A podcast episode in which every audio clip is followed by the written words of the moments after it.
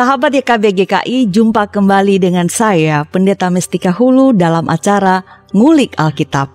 Dalam episode kali ini, kita akan mengulik Kitab Habakuk pasal 3 ayat 13 sampai 19 dengan tema Iman yang tak dipengaruhi sikon.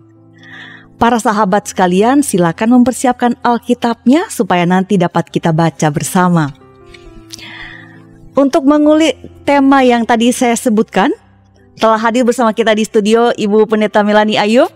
Ibu apa kabar? Baik. Baik ya, jauh-jauh dari Bekasi ya Bu ya ke Betul. studio. Terima iya. kasih berkenan menjadi narasumber ngulik Alkitab uh, episode kali ini. Para sahabat, Ibu Pendeta Melani adalah pendeta jemaat GKI Agus Salim Bekasi. Para sahabat sekalian, acara ngulik Alkitab dipersiapkan untuk menolong kita bersama mendalami kitab suci dan melihat relevansinya dalam kehidupan kita sehari-hari. Kami mengundang para sahabat untuk terlibat secara interaktif dengan mengajukan baik pertanyaan juga komentar di chatroom yang tersedia. Sebelum kita memulai ulikan kita dan membaca Alkitab, kita akan berdoa yang akan dipimpin oleh Ibu Pendeta. Silakan Ibu. Mari kita berdoa. Ya Allah Bapa kami, kami bersyukur. Pada saat ini kami boleh memiliki kesempatan untuk mendalami firman-Mu.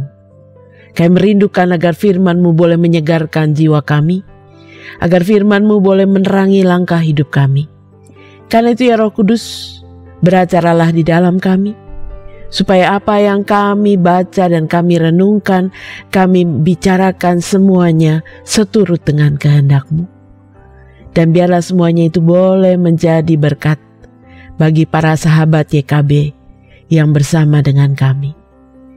Di dalam nama Tuhan kami Yesus Kristus, kami berdoa. Amin. Amin. Saya akan membaca Kitab Habakuk pasal 3 ayat 13 sampai 19. Semoga para sahabat juga sudah siap dengan Alkitabnya. Habakuk pasal 3 ayat 13 sampai 19.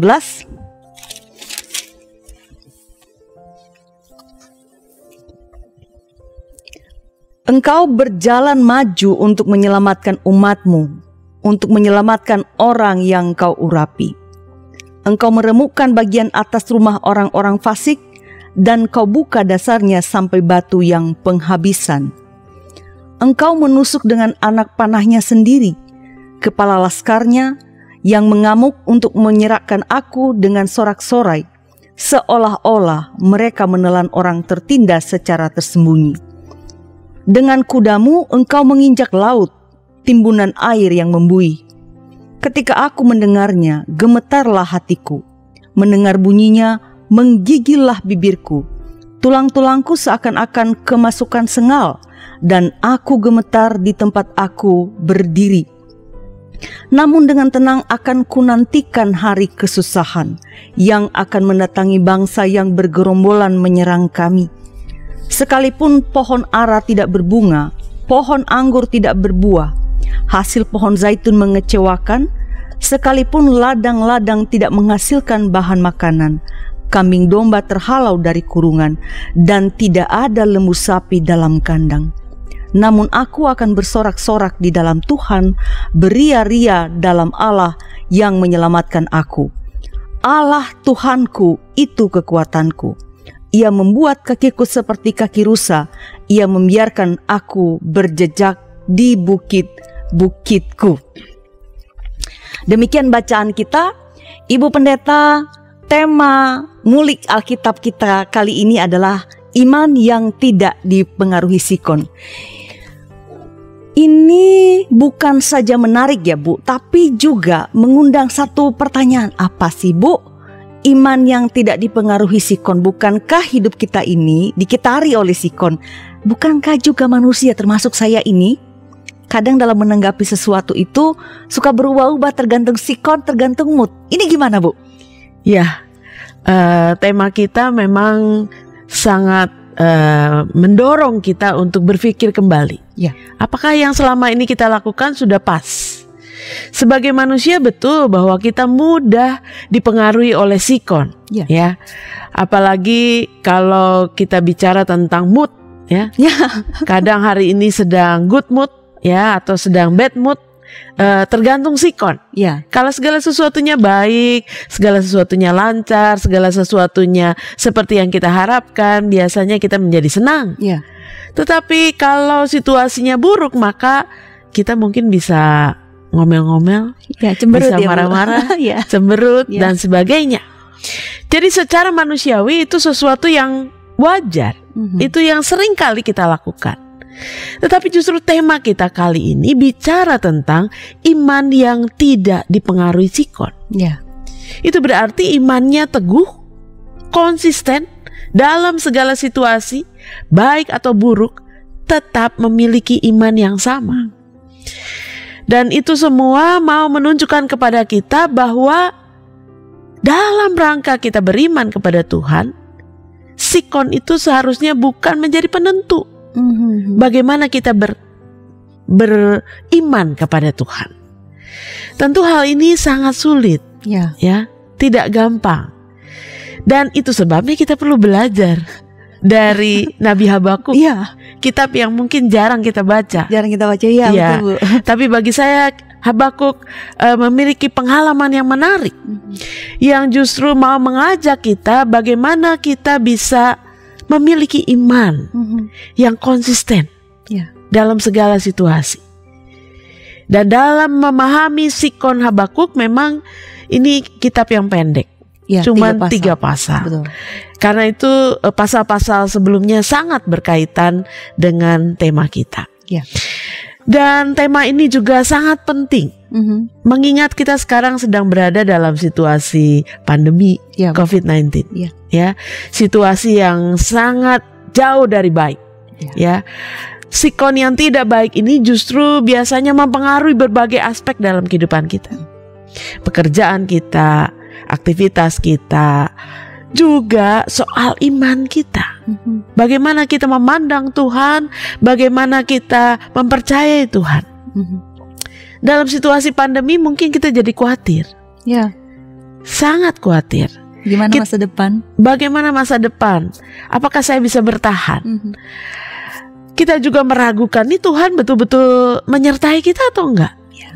Tuhan betul-betul menolong kita atau tidak? Dan karena itu dalam situasi saat ini kita perlu belajar dari Habakuk. Ya. Bagaimana punya iman yang teguh dan tidak goyah Ya. oleh situasi apa pun. Ya. Oke. Kita perlu belajar dari seorang Nabi Habakuk yang juga mengalami tadi kalau kita menyimak para sahabat juga tadi membaca Alkitabnya ada kesulitan-kesulitan hidup gitu yang dialami tapi tetap bertahan, tetap Ibu beberapa kali menyebut konsisten dan itu agak-agak langka ya Bu, semakin langka ya Bu. Oke, Ibu, sikon apa yang dihadapi oleh Habakuk sehingga ia bergumul begitu intens, berdoa begitu intens kepada Allah yang kita baca dalam pasal 3 ini. Ya, untuk memahami sikon, memang kita harus eh, mundur sedikit ke pasal 1 dan pasal 2. Baik. Pada masa Habakuk, eh, bangsa Israel sedang menghadapi keadaan yang agak sulit atau cukup sulit. Mereka mengalami penindasan, kekerasan, dan kejahatan yang dilakukan oleh bangsa Kasdim Ya. yang menyerang mereka. Kalau kita membaca dari Habakuk pasal 1 ayatnya yang keempat, Ya. di sana dikatakan bahwa keadilan itu muncul terbalik. Saya akan bacakan ayatnya dikatakan, itulah sebabnya hukum kehilangan kekuatannya dan tidak pernah muncul keadilan sebab orang fasik mengepung orang benar. Itulah sebabnya keadilan muncul terbalik. Apa yang mau disebut oleh Nabi Habakuk dalam pemahamannya harusnya orang benar tuh berjaya. Ya. Kita orang fasik begitu menderita. juga, Bu. Iya. Kita juga mau begitu. Iya, kita juga ma- eh, merasa itu yang seharusnya terjadi. Tetapi pada saat Nabi Habakuk yang sebaliknya terjadi. Orang benar menderita Ya. karena orang fasik mengepung orang benar. Mhm. Dan bagi Habakuk ini kayaknya keadilannya muncul terbalik. Sebab seharusnya Tuhan membela orang benar. Karena itu dalam uh, Habakuk pasal 1 uh, ada banyak pertanyaan Habakuk kepada Tuhan juga.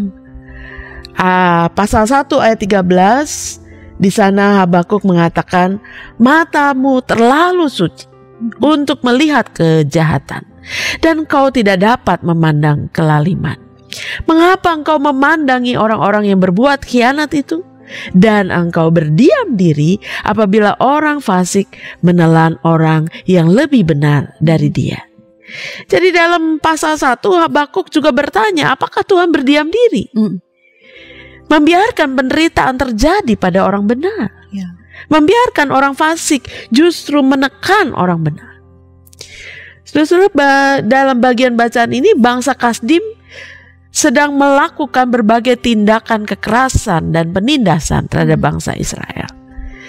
Kemudian itu yang menyebabkan ada pergumulan, ada pertanyaan iman Nabi Habakuk. Di mana keadilan Tuhan? Di mana Tuhan? Ya. Bukankah seharusnya Tuhan menyelamatkan orang benar dan membinasakan orang fasik? Jadi uh, dalam bagian bacaan ini mau jelas dikatakan kepada kita bahwa sikon yang dihadapi Habakuk adalah penindasan bangsa Kasdim ketika bangsa Kasdim melakukan kejahatan kepada bangsa Israel itu tidak bisa uh, diterima oleh Nabi Habakuk. Dia bertanya kepada Tuhan. Dan penindasan bangsa Kasdim itu muncul dalam uh, Habakuk pasal 3 ayat 17 hmm. yang tadi kita baca. Ya. Ketika dikatakan pohon ara tidak berbunga, pohon anggur tidak berbuah, hasil pohon zaitun mengecewakan, ladang-ladang tidak menghasilkan bahan makanan, kambing domba dan lebu sapi tidak ada di kandang. Apa artinya? Keadaan sulit, Bu. Sulit. Ya. Punya kebun, punya ladang, bangsa Israel adalah bangsa agraris yang mengandalkan ladang tapi tidak menghasilkan. Tidak ada yang bisa dijual. Padahal itu kebutuhan pokok ya Bu ya. Itu kebutuhan pokok. Makanan. Itu bisa dijual untuk menghasilkan uang bagi mereka. Tidak punya lembu sapi dan kambing domba itu berarti mereka tidak punya harta. Ya. Tidak ada apa-apa yang bisa diandalkan dalam hidup. Ya. Jadi sikon yang membuat Habakuk sedih dan bergumul adalah ketika dia melihat bagaimana orang fasik menekan orang benar. Dan itu tidak masuk di dalam pemahaman uh, spiritual Nabi Habakuk. Tidak sesuai dengan kepercayaannya. Sepatutnya orang benar berjaya, orang fasik menderita. Ya.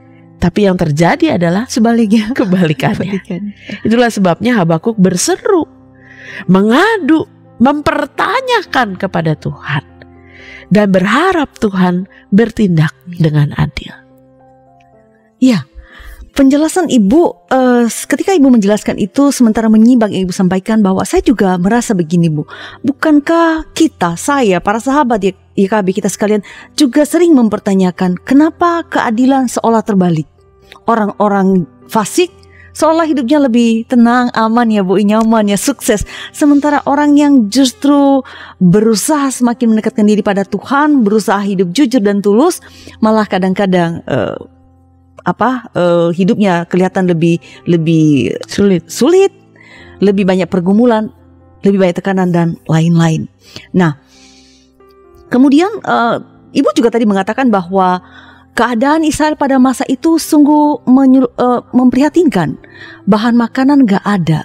Zaitun dan lain-lain itu kan hasil tanaman tidak ada kan makanan ya Bu itu kebutuhan pokok. Kemudian juga kambing domba kan sebenarnya juga untuk pakaian juga ya Bu ya. Hmm. Sulit. Nah, tadi Ibu di awal mengatakan kita di situasi Covid.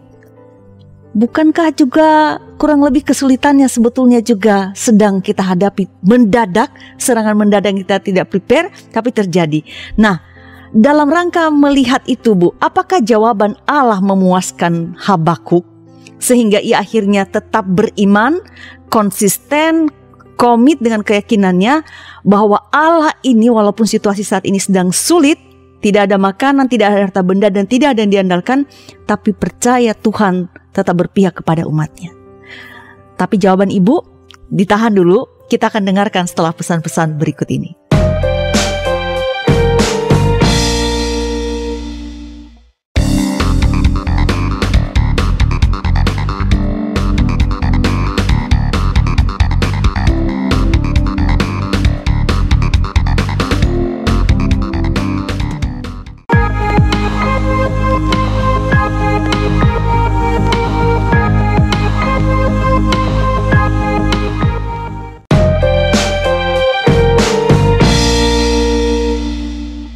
Untuk kegiatan apa pun yang dilakukan oleh badan pelayanan yang mana pun juga pasti membutuhkan dukungan. Salah satunya adalah dukungan dana.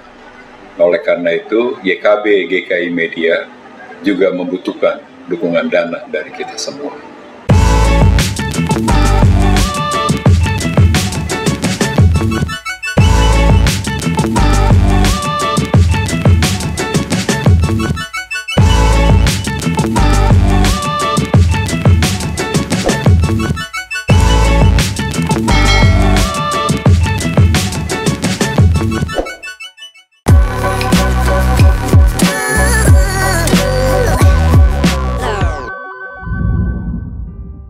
Masih bersama saya Pendeta Mestika Hulu dan juga bersama Ibu Pendeta Melani Ayub sebagai narasumber dalam acara Ngulik Alkitab. Bagi para sahabat yang baru saja bergabung dengan kami, kami informasikan bahwa bahan ngulik Alkitab kita kali ini diambil dari kitab Habakuk pasal 3 ayat 13 sampai 19 dengan tema iman yang tak dipengaruhi sikon. Para sahabat, silakan memberikan komentar ataupun mengajukan pertanyaan di chat room yang tersedia. Saya kembali ke Ibu Pendeta. Tadi sebelum jeda saya bertanya pada Ibu, apakah jawaban Allah memuaskan Nabi Habakuk sehingga ia mampu menjaga memelihara imannya bahwa Allah ini bisa dipercaya akan berpihak pada umatnya yang percaya kepadanya walaupun di tengah-tengah kesulitan. Ya, itu yang kita inginkan ya. Ya Bu, pasti. Kalau kita bertanya dan mengadu kepada Tuhan, Dia menjawab seperti yang kita harapkan. Ya. Beres kalau yang terjadi seperti itu. ya. Senang pasti ya Bu. Uh -uh, klop gitu ya. ya. Kita bertanya, Tuhan menjawab pas. Ya. yang terjadi pada Habakuk ketika dia berseru kepada Tuhan, menantikan jawaban Tuhan, Bagaimana jawaban Tuhan terhadap pertanyaan-pertanyaan dia? Ternyata Tuhan tidak langsung menjawab. Hmm, hmm. Nah ini menjadi bagian yang sering kali juga mungkin terjadi dalam kehidupan kita. Betul Ibu. Jawaban Tuhan tidak langsung sekali kita bertanya langsung jawaban datang. Tetapi dalam pasal 2 dengan jelas dikatakan Tuhan meminta Habakuk ya. untuk menantikan saatnya. Saatnya tiba. Ya. Ketika jawaban Tuhan akan uh, menjawab dan menyelesaikan segala uh, pergumulan Habakuk. Kalau kita membaca dari Habakuk pasal 2 ya. ayatnya yang ketiga dikatakan sebab penglihatan itu masih menanti saatnya. Ya. Tetapi ia bersegera menuju kesudahannya dengan tidak menipu. Apabila Berlambat-lambat nantikanlah itu, sebab itu sungguh-sungguh akan datang dan tidak akan bertangguh. Jadi jawaban Tuhan kurang lebih kepada Nabi Habakuk, wait and see. Sabar ya. Sabar. Padahal gak enak juga deh. iya. Pasti datang. Jawabannya pasti datang tapi sabar. Sabar. Jadi jawaban dari doa-doa kita kan bisa yes, yeah, no, wait. wait. Nah ini kira-kira yang iya, wait, wait ya. Uh -uh. Tunggu, sabar. Tuhan menjanjikan kepada Habakuk tidak untuk seterusnya. Ya. Para penindas itu akan berjaya. Tidak untuk seterusnya orang fasik itu akan berjaya. Mm. Dalam pasal 2 bahkan dinubuatkan bagian selanjutnya adalah penghukuman atas para penindas ya. yang dimulai dengan kata celakalah, celakalah sampai lima kali. Itu adalah nubuat Tuhan. Ya. Apa yang akan terjadi dengan mereka yang uh, menindas, dengan mereka yang berlaku fasik? Hmm. Kecelakaan yang akan terjadi pada mereka. Berulang-ulang disebutkan bahwa orang yang jahat, yang memeras, yang melakukan kesalahan akan menerima hukum yang setimpal. Hmm. Dan itu nubuat Tuhan kepada Habakuk. Puas atau tidaknya Habakuk terhadap jawaban Tuhan ya memang relatif ya. Relatif ya. Kita tidak bisa katakan dia puas. Dalam pasal 2 Habakuk cuma mengatakan dalam Habakuk 2 ayat 4b. Orang yang benar akan hidup oleh percayanya. Orang benar itu hidup oleh percaya, Ya. bukan oleh karena melihat. Jadi kalau sudah lihat dulu, semuanya sudah baik baru percaya, Wajar. wajar. Iya. Dan bukan itu. Orang benar tuh hidup karena percaya. Iya. Jadi intinya Habakuk mau belajar tetap percaya kepada Tuhan dan janji Tuhan. Sekalipun dia harus bersabar. Karena waktunya tidak tahu kapan akan tiba waktunya dia melihat bahwa keadilan itu betul keadilan yang dari Allah itu akan datang. Ya. Dia harus sabar menanti sikon belum berubah sampai saat itu. Namun sekali lagi itu tidak mengurangi kepercayaan Habakuk kepada Tuhan. Eh, luar biasa ya. Disuruh nunggu dan kita tahu ada ungkapan menunggu itu pekerjaan tidak enak. Iya. Nyebelin. Mending sekarang ada gadget ya Bu. Kalau Iya. dulu kan nggak ada gitu. Iya. Itu ibaratnya. Tapi apa pun yang ditunggu sebetulnya eh, tidak gampang. Mungkin bagi Habakuk juga tidak gampang. Para sahabat juga barangkali ada doa-doanya bahkan di tengah pandemi yang terjadi sekarang ini dan kita berdoa Tuhan kapan ini akan berakhir? Lalu bagaimana ke depan? Dan Tuhan sebagai umat Tuhan kita diminta untuk percaya saja Tuhan punya rencana baik. Nah, Ibu Tuhan menyuruh Habakuk bersabar, menanti, wait. Hmm. Kapan itu kita nggak tahu. Pokoknya tunggu aja, karena Tuhan bisa dipercaya. Apa sih Bu dasarnya Habakuk ini mau menunggu? Apa sih dasarnya Habakuk ini bisa bertahan dalam kondisi sulit, belum ada tanda-tanda mau berubah? Ada nggak sih Bu yang bisa yang memang betul-betul bisa diharapkan oleh Habakuk dan para sahabat juga di tengah-tengah pandemi ini walaupun sulit, pekerjaan hilang, usaha terganggu, banyak yang terjadi, tapi saya percaya kok ini pasti akan berlalu. Apa Bu?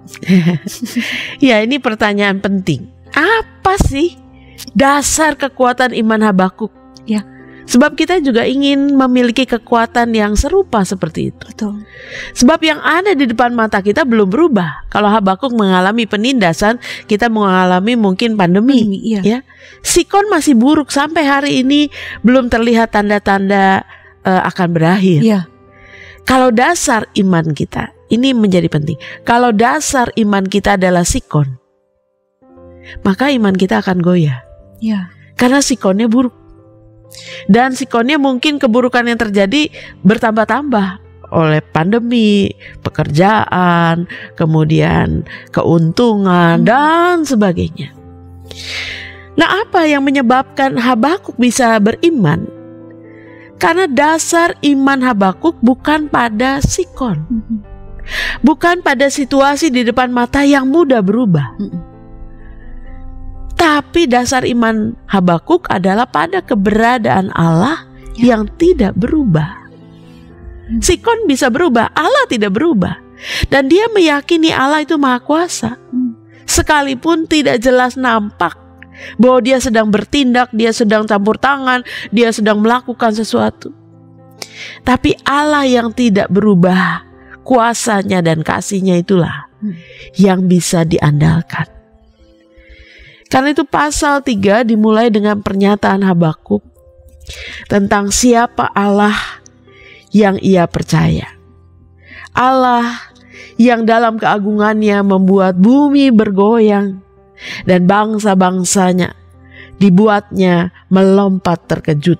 Itu kita bisa lihat dalam pasal 8 eh, Habakuk 3 ayat 8. Begitu Allah datang maka kita melihat keagungan Allah itu muncul dan bagaimana bumi ya sungai-sungai eh, laut dan sebagainya eh, bergetar melihat Keagungan Tuhan. keagungan Tuhan. Jadi Habakuk dengan kata lain mau mengajak kita di tengah situasi yang mencekam saat ini. Pandanglah keagungan Tuhan. Pandanglah kebesaran Tuhan. Dan ketika kita melihat keagungan dan kekuasaan Tuhan, mungkin kita juga akan bergetar. Ya. Ya. Bahwa Tuhan yang agung dan mulia itu kita yakin akan bertindak dan menyelamatkan umatnya. Habakuk 3 ayat 13 dengan jelas mengatakan hal itu.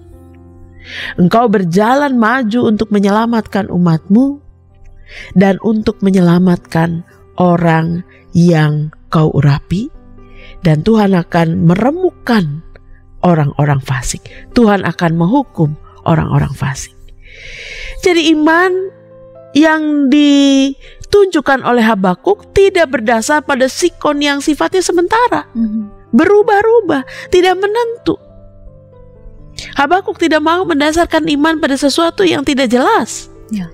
Habakuk mendasarkan imannya pada Allah yang tidak berubah Baik. Yang berkuasa dari dulu sekarang sampai selamanya, yang setia pada janjinya sekalipun dia mengatakan sabar, tunggu. Tetapi kalau dia setia, pasti dia akan menjawab. Hmm. Itulah sebabnya iman Habakuk tidak dipengaruhi oleh Sikon. Ya. Karena imannya didasarkan pada Allah yang bisa dia andalkan. Oke, berarti saya menangkap dari penjelasan Ibu bahwa kenapa Habakuk bisa bertahan walaupun situasi eh, belum berubah bahkan sulit karena dia percaya bahwa Allah ini ada. Lalu Allah yang Maha Kuasa ini juga setia. Kesetiaan itu adalah jaminan. Yes. Begitu ya Bu ya. Lalu saya juga tadi tertarik dengan Ibu katakan bahwa eh, Habakuk justru kita lihat juga dalam eh, dalam eh, tadi pasal 3 bahwa dia mengagumi keberadaan Allah bahkan dalam ciptaannya. Jadi ketika kesulitan terjadi, mungkin mau mengatakan pada kita jangan kesulitannya aja lihat, lihatlah karya Allah yang begitu besar, Iya, dia bisa memelihara alam, apalagi kita betul. yang diciptakan dalam rupa dan gambarnya. Iya. Baik Ibu, eh, penjelasan tentang Habakuk ini bahwa dia mendasarkan imannya kepada Allah yang hidup dan setia. Tentu kita juga ingin para sahabat juga ingin ya seperti Habakuk ini bertahan di tengah-tengah situasi yang rumit bagaimanapun mau bersabar, mau menunggu walaupun itu tidak mudah.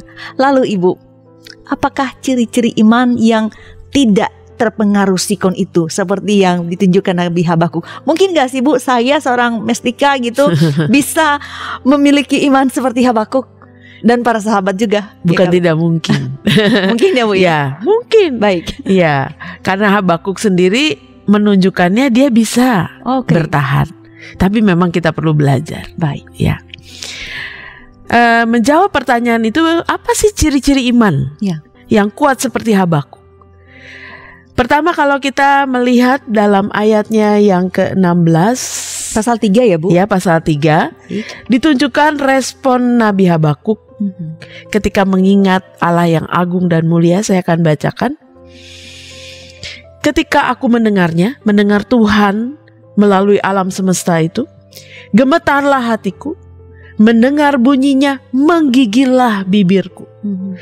tulang-tulangku seakan-akan kemasukan sengal dan aku gemetar di tempat aku berdiri namun dengan tenang akan ku nantikan hari kesusahan yang akan mendatangi bangsa-bangsa yang bergerombolan menyerang kami.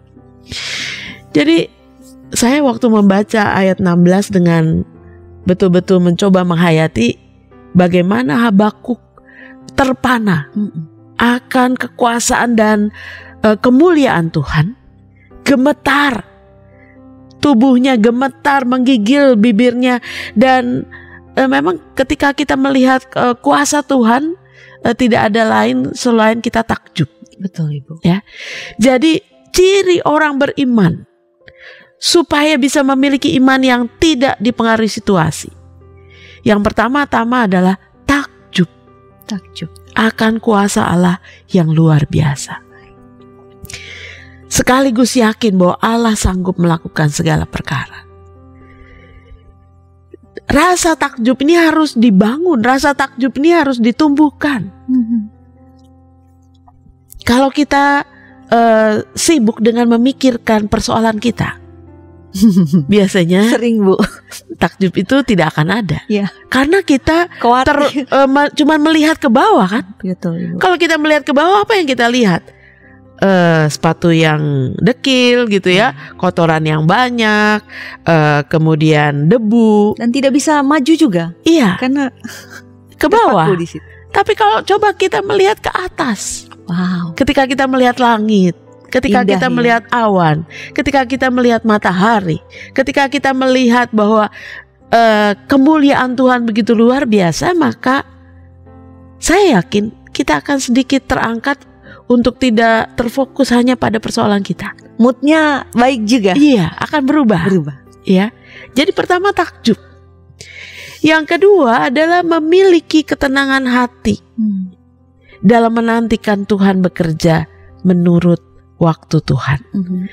Jadi satu kunci untuk bisa beriman selain takjub. Kalau takjub eh, pandangan kita, perhatian kita difokuskan pada Tuhan. Ya. Tapi ciri iman yang kedua, ketenangan hati itu berasal dari diri kita sendiri. Ya. Itu berarti kita sendiri harus meneduhkan hati kita, menenangkan hati kita. Eh, Sungguh-sungguh belajar untuk sabar, belajar untuk eh, teduh, ya, tidak pusing dengan segala hal, eh, tapi menenangkan hati itu berarti kita harus punya eh, seperti waktu break, ya, Ya. untuk kita hanya dia berdiam diri dalam tinggal tenang dan percaya. Di situ terletak kekuatan. Dan itu yang harus kita miliki. Tidak hanya dipusingkan dengan segala hal, tapi punya waktu teduh bersama dengan Tuhan, waktu sendiri, dan menenangkan hati. Ya. Supaya kita belajar menantikan Tuhan bekerja menurut waktu Tuhan. Lalu ciri yang ketiga adalah siap bertahan tanpa syarat. Hmm. Nah ini yang agak sulit. Karena sebagai manusia biasanya kita punya syarat. Iya. Saya akan beriman kalau Tuhan kasih rezeki yang bagus. Saya akan beriman kalau saya sehat. Iya. Saya akan beriman kalau Tuhan semuanya lancar. Iya. Itu syarat. Ya. Saya minta syaratnya dulu, baru Ada saya bukti beriman. dulu. Bukti dulu ya, baru saya beriman. Nah, ciri iman yang kuat seperti Habakuk justru tidak seperti itu. Hmm. Siap bertahan apa pun yang terjadi. Dalam sikon sulit. Saya akan ulang lagi Habakuk 3 ayat 17 karena ini menjadi bagian yang penting. Sekalipun pohon ara tidak berbunga, Ya. pohon anggur tidak berbuah, hasil pohon zaitun mengecewakan, sekalipun ladang-ladang tidak menghasilkan bahan makanan, kambing domba terhalau dari kurungan dan tidak ada lembu sapi dalam kandang namun aku akan bersorak-sorak di dalam Tuhan. Bagian berikutnya, ayat yang ke-18. Jadi saudara, dalam bagian ini, apa yang mau dikatakan oleh Nabi Habakuk? Jangan bilang sama Tuhan, Tuhan saya akan begini kalau Tuhan begitu. Ya, dan itu yang biasanya kita minta. Habakuk menunjukkan dia tidak memakai kata kalau, tapi dia memakai sekalipun. Sekalipun penyerahannya. Iya. Ketika dia tidak punya harta, tidak punya bahan makanan, tidak ada sesuatu yang bisa dijual, ladang tidak menghasilkan, tidak punya harta karena eh, kambing domba dirampas oleh bangsa Kasdim.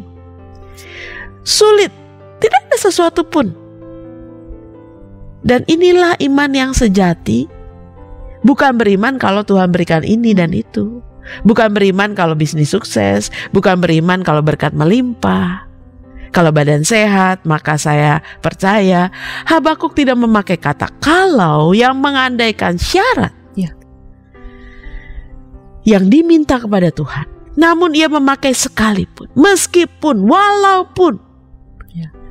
tidak ada sesuatu yang menjanjikan, tidak ada sesuatu yang bisa dibanggakan, tidak ada sesuatu yang bisa membuat eh, hati senang, sikon buruk namun dia akan tetap percaya.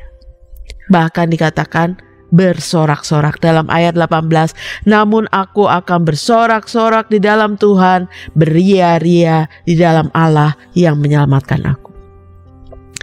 Ciri yang keempat, tetap bersuka cita dan memuji memuliakan Tuhan. Ketika situasi sulit tapi Anda mengeluh, apakah itu akan membuat Anda bisa lebih ringan? Enggak. No. Semakin berat, Betul. ya kan?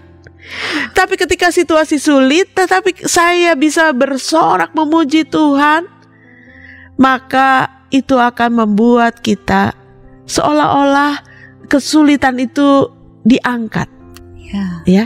Kesulitan itu tidak membebani kita, tetapi kesulitan itu diangkat dari kita. Dan itulah yang dikatakan Habakuk. Ya. Mari kita bersorak-sorak di dalam Tuhan karena sekalipun situasinya buruk, kita punya Tuhan yang tidak berubah, Ya. yang berkuasa, yang janjinya setia. Mari kita bersorak akan hal itu. Ibu, apa yang Kak Ibu katakan terakhir bahwa ciri yang keempat adalah tetap bersuka cita dan memuji memuliakan Tuhan. Tiba-tiba mengingatkan saya apa kata Amsal bahwa hati yang gembira adalah, obat. Jadi ketika kesulitan terjadi jangan mengeluh, jangan bersungut-sungut, jangan cemberut, justru bernyanyilah bersuka cita bagi Tuhan, ingat segala kebaikannya, Yes. itu justru akan membuat hati menjadi tenang ya Bu ya. Betul. Lalu selanjutnya Ibu, apakah yang dikaruniakan kepada Tuhan karena dia sudah berserah, sudah percaya juga akan tetap konsisten di segala sesuatu, di segala situasi? Tapi jawaban Ibu setelah pesan-pesan berikut ini.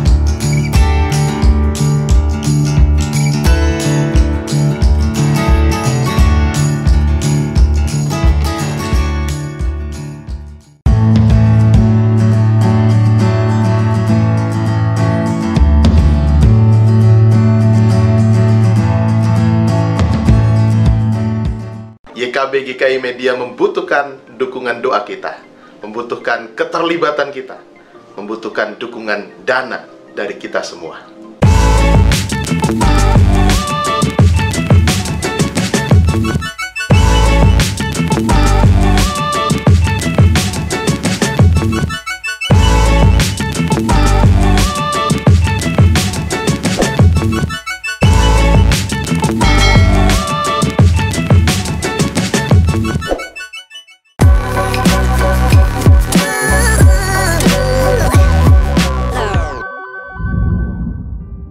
Sahabat YKB GKI masih tetap bersama saya Pendeta Mestika Hulu dan juga bersama Ibu Pendeta Melani Ayub sebagai narasumber dalam acara Ngulik Alkitab.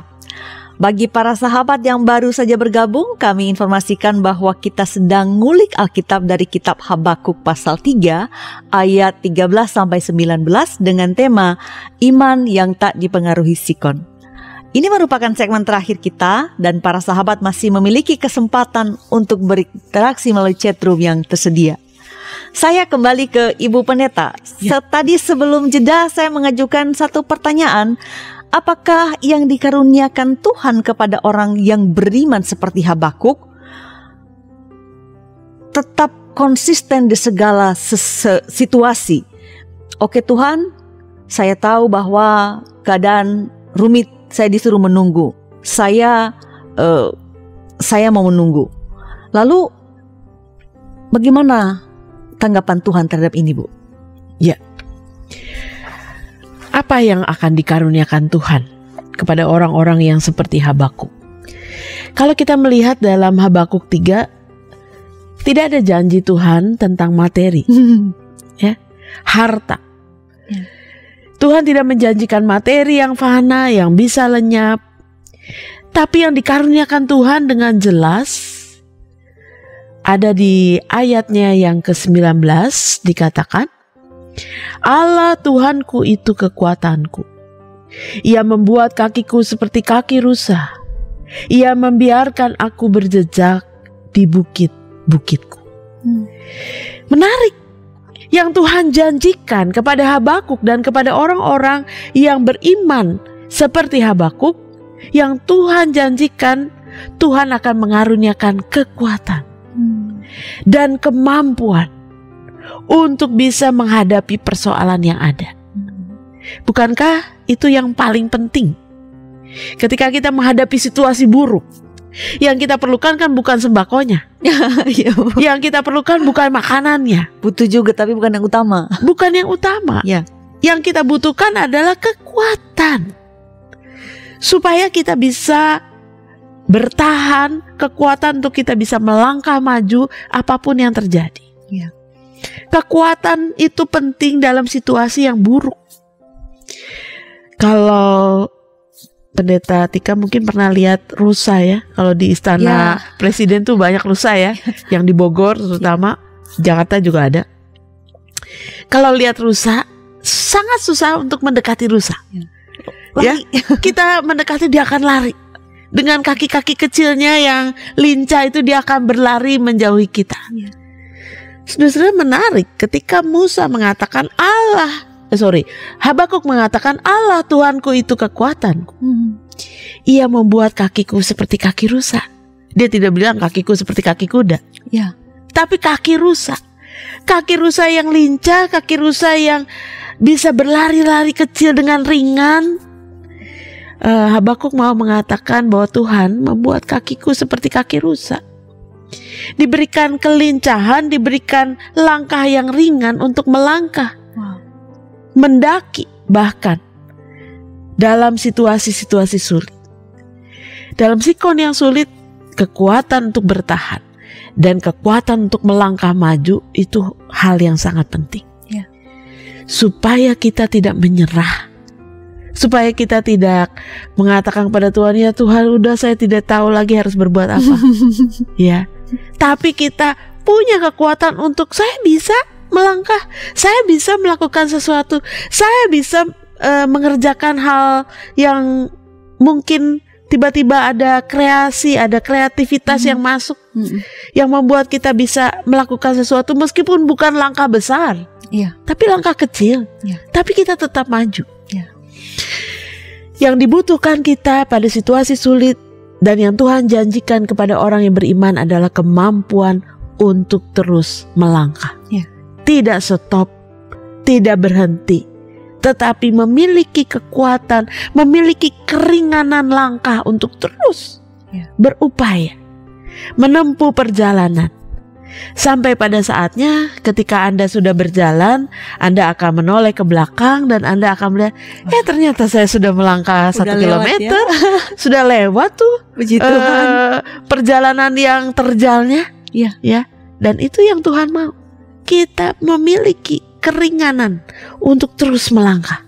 Ya, Ibu menarik sekali ketika Ibu menggunakan sebuah analogi bahwa yang berdasar pada yang dituliskan oleh Habakuk bahwa Tuhan dalam ayat 19 itu bahwa Tuhan mengizinkan Habakuk, berarti orang-orang percaya padanya berlari-lari kecil seperti rusa kecil. Dan Ibu mengatakan bukan kuda, kita tahu kuda Iya. tangkas besar ya Bu Dan kuat ya. dan kuat ya. Lalu kemudian ibu menyusul menyusulinya dengan dengan mengatakan bahwa langkah kecil pun perlu di dalam kesulitan. Jadi saya mau mengingatkan juga para sahabat di kayu bahwa tidak mesti hal besar kita lakukan, tetapi hal kecil pun konsisten melakukannya. Seperti tema kita saat ini bahwa eh, yang konsisten tidak terpengaruh kondisi, langkah kecil sekalipun juga akan membantu Ya. kita untuk terus eh, bertahan wah nanti saya bertahan kalau keadaannya udah aman. Saya saya akan bertahan kalau uang saya udah sekian. Saya akan akan bertahan kalau begini begini. Tidak. Sekecil apa pun langkahnya, lakukan itu dan konsisten ya Bu ya. Seperti eh, tadi Rusa. ini rusa-rusa ini dan kemudian wah udah jauh aja ternyata. Iya. Udah lewat aja ternyata. Baik Ibu. Lalu karena kita sudah mengetahui hal itu, apa yang kita lakukan karena kan melangkah kecil-kecil itu juga tidak gampang kan? Ada kata ada ada semacam ungkapan ya Bu. Seribu langkah dimulai dari langkah pertama ya Bu. jadi harus ada first step dulu gitu. Apa yang harus kita lakukan? Apa yang harus saya lakukan? Sahabat YKB lakukan supaya memiliki iman teguh seperti Nabi Habakuk tidak terpengaruhi sikon dan bahkan di tengah-tengah kesulitan itu mampu berlari kecil sehingga nanti juga melampaui segala situasi sulit ini. Ya, Bagaimana Ibu? apa yang harus kita lakukan? Ya. Pertama-tama Habakuk bisa memiliki iman yang kuat karena dia mengenal dan meyakini siapa Tuhan ya, yang diandalkan. situ, Bu. Itu kuncinya. baik. Kita tidak akan bisa beriman kalau kita tidak tahu siapa Tuhan. Sama seperti mungkin gambaran sederhana, kalau saya adalah seorang anak, saya percaya ketika ayah saya mengatakan nanti Hmm. papa belikan. baik. Tapi saya percaya karena ayah saya tidak pernah ingkar janji. Hmm. Kalau dia bilang nanti, pasti dia belikan. Tapi not now, bukan sekarang. Nanti. Nanti. Karena saya sudah dekat sebagai seorang anak dengan ayah, saya percaya kalau ayah saya bilang nanti, itu nanti. Pasti dia akan menepati janjinya. Ya. Nah demikian juga dengan Habakuk. Dia mengenal dan meyakini bahwa Tuhan bisa diandalkan. Tuhan setia pada janjinya. Kalau Tuhan bilang sabar, tunggu. Nanti pasti datang. Pasti waktunya akan datang. Sebab keyakinan kita pada Tuhan itu penting sebab dialah yang sanggup melakukan segala perkara. Dia yang berkuasa mengubahkan segala sesuatu. Walaupun ini buruk situasinya. Tapi di tangan Tuhan bisa berubah dalam waktu sekejap. Ya. Kalau Tuhan kehendaki. Tuhan punya waktunya. Tuhan punya caranya.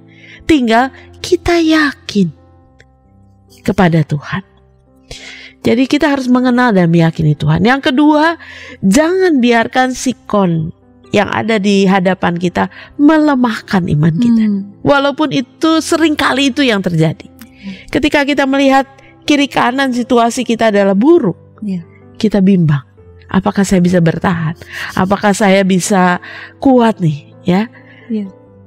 Kalau kita membiarkan diri kita dilemahkan oleh sikon kita, maka kita tidak akan memiliki keteguhan hati. Hmm. Bahkan melemahkan ya Bu? bahkan akan semakin melemahkan. Artinya kita harus memilih. Kita harus memilih. Hidup kita kan semuanya adalah pilihan. Ya. Saya memilih untuk tidak dilemahkan oleh situasi. Tapi saya memilih untuk tetap percaya. Artinya mari kita memilih Tuhan dan memilih untuk tetap percaya kepada Tuhan. Karena sikon seburuk apa pun Tuhan bisa ubahkan. Yang ketiga kalau Tuhan izinkan hal sulit atau buruk Ya. terjadi dalam hidup kita, maka kita harus yakin suatu saat kita diberikan kesempatan untuk melihat Ya. bagaimana Tuhan mengubahkan segala sesuatu yang menjadi indah. Dan kalau kita punya kesempatan itu, betapa kita akan sangat bersyukur Ya. dengan kesempatan itu. Yang keempat, belajar bersuka cita senantiasa dalam segala keadaan. Bersukacitalah senantiasa, bukan bersungut-sungut. Ya. Dan sukacita dan pujian itu lahir dari hati yang percaya. Kalau kita hatinya bimbang, kita nggak bisa bersukacita, nggak bisa memuji Tuhan. Karena itu jaga hati Jaga hati. untuk tetap percaya, tidak goyah sedikit pun oleh situasi yang ada di sekitar kita.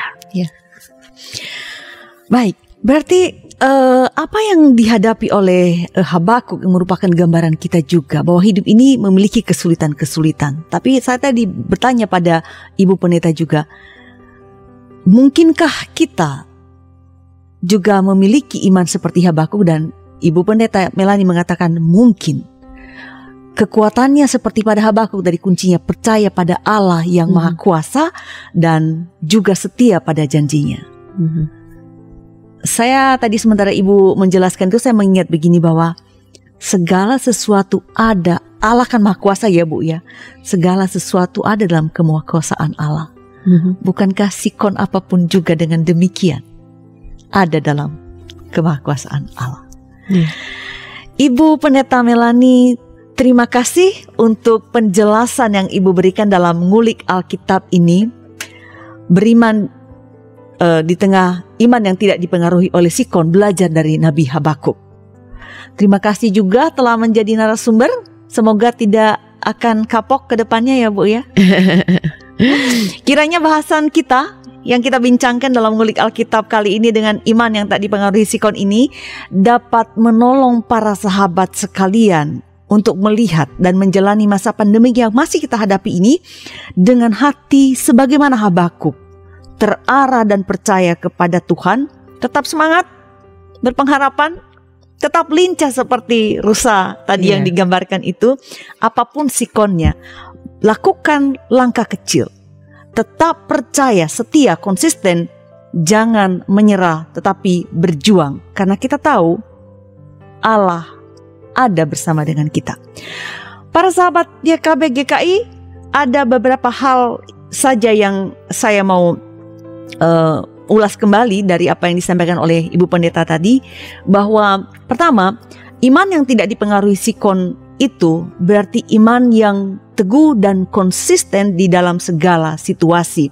Sehat, sakit, kekenyangan, eh, kenyang atau lapar, memiliki uang atau tidak, apa pun situasinya, pandemik atau tidak, normal atau new normal, tetap percaya kepada Allah. Jadi bukan hanya ketika keadaan hmm. baik, Bukannya ketika tadi dalam ayat 17 dikatakan bahwa bukannya ketika punya harta benda atau tidak punya harta benda tidak ada situasi apa pun yang dapat mengubah keyakinan kita, iman kita kepada Allah sebab Allah yang kita percaya itu juga adalah Allah yang setia. Kedua, kita diingatkan melalui penjelasan Ibu Pendeta tadi bahwa kita diminta untuk bersabar menantikan jawaban Tuhan. Ya, sering kita katakan bahwa Menunggu bukan pekerjaan yang menyenangkan dan tidak enak. Bahkan terasa semakin sulit ketika situasi memang buruk. Hmm. Apalagi tidak ada dasar yang bisa dipercaya. Tetapi Tuhan berkata, tunggulah, percayalah. Hmm. Dan satu hal perlu kita ingat, Allah yang berjanji ini adalah Allah yang selalu setia pada perkataannya. Allah tidak pernah berdusta. Kita hmm. perlu menggarisbawahi itu barangkali ya Bu ya, Betul. ya, supaya kita tetap semangat memiliki pengharapan di tengah-tengah kesulitan. Allah kita maha kuasa. Kita mungkin berubah. Kadang-kadang kita ingkar janji. Yeah. Tapi Allah kita tidak pernah berubah dan tidak pernah ingkar janji. Kalau merpati ingkar janji, kita Tuhan kita tidak pernah ingkar janji. Ketiga, dalam segala sikon yang dihadapi dan dalam menantikan pertolongan Tuhan, milikilah hati yang bergembira, bersuka cita. Ini memang juga mungkin tidak mudah. Bagaimana bergembira? Saya kehilangan pekerjaan saya karena pandemik. Bagaimana bergembira? Saya kehilangan orang yang saya kasih karena pandemik ini. Tapi sekali lagi kita diingatkan Tuhan berkuasa atas segala sesuatu dan dengan hati yang gembira kita akan menjadi ringan di dalam menghadapi dan e, melampaui segala situasi ini sesulit apa pun.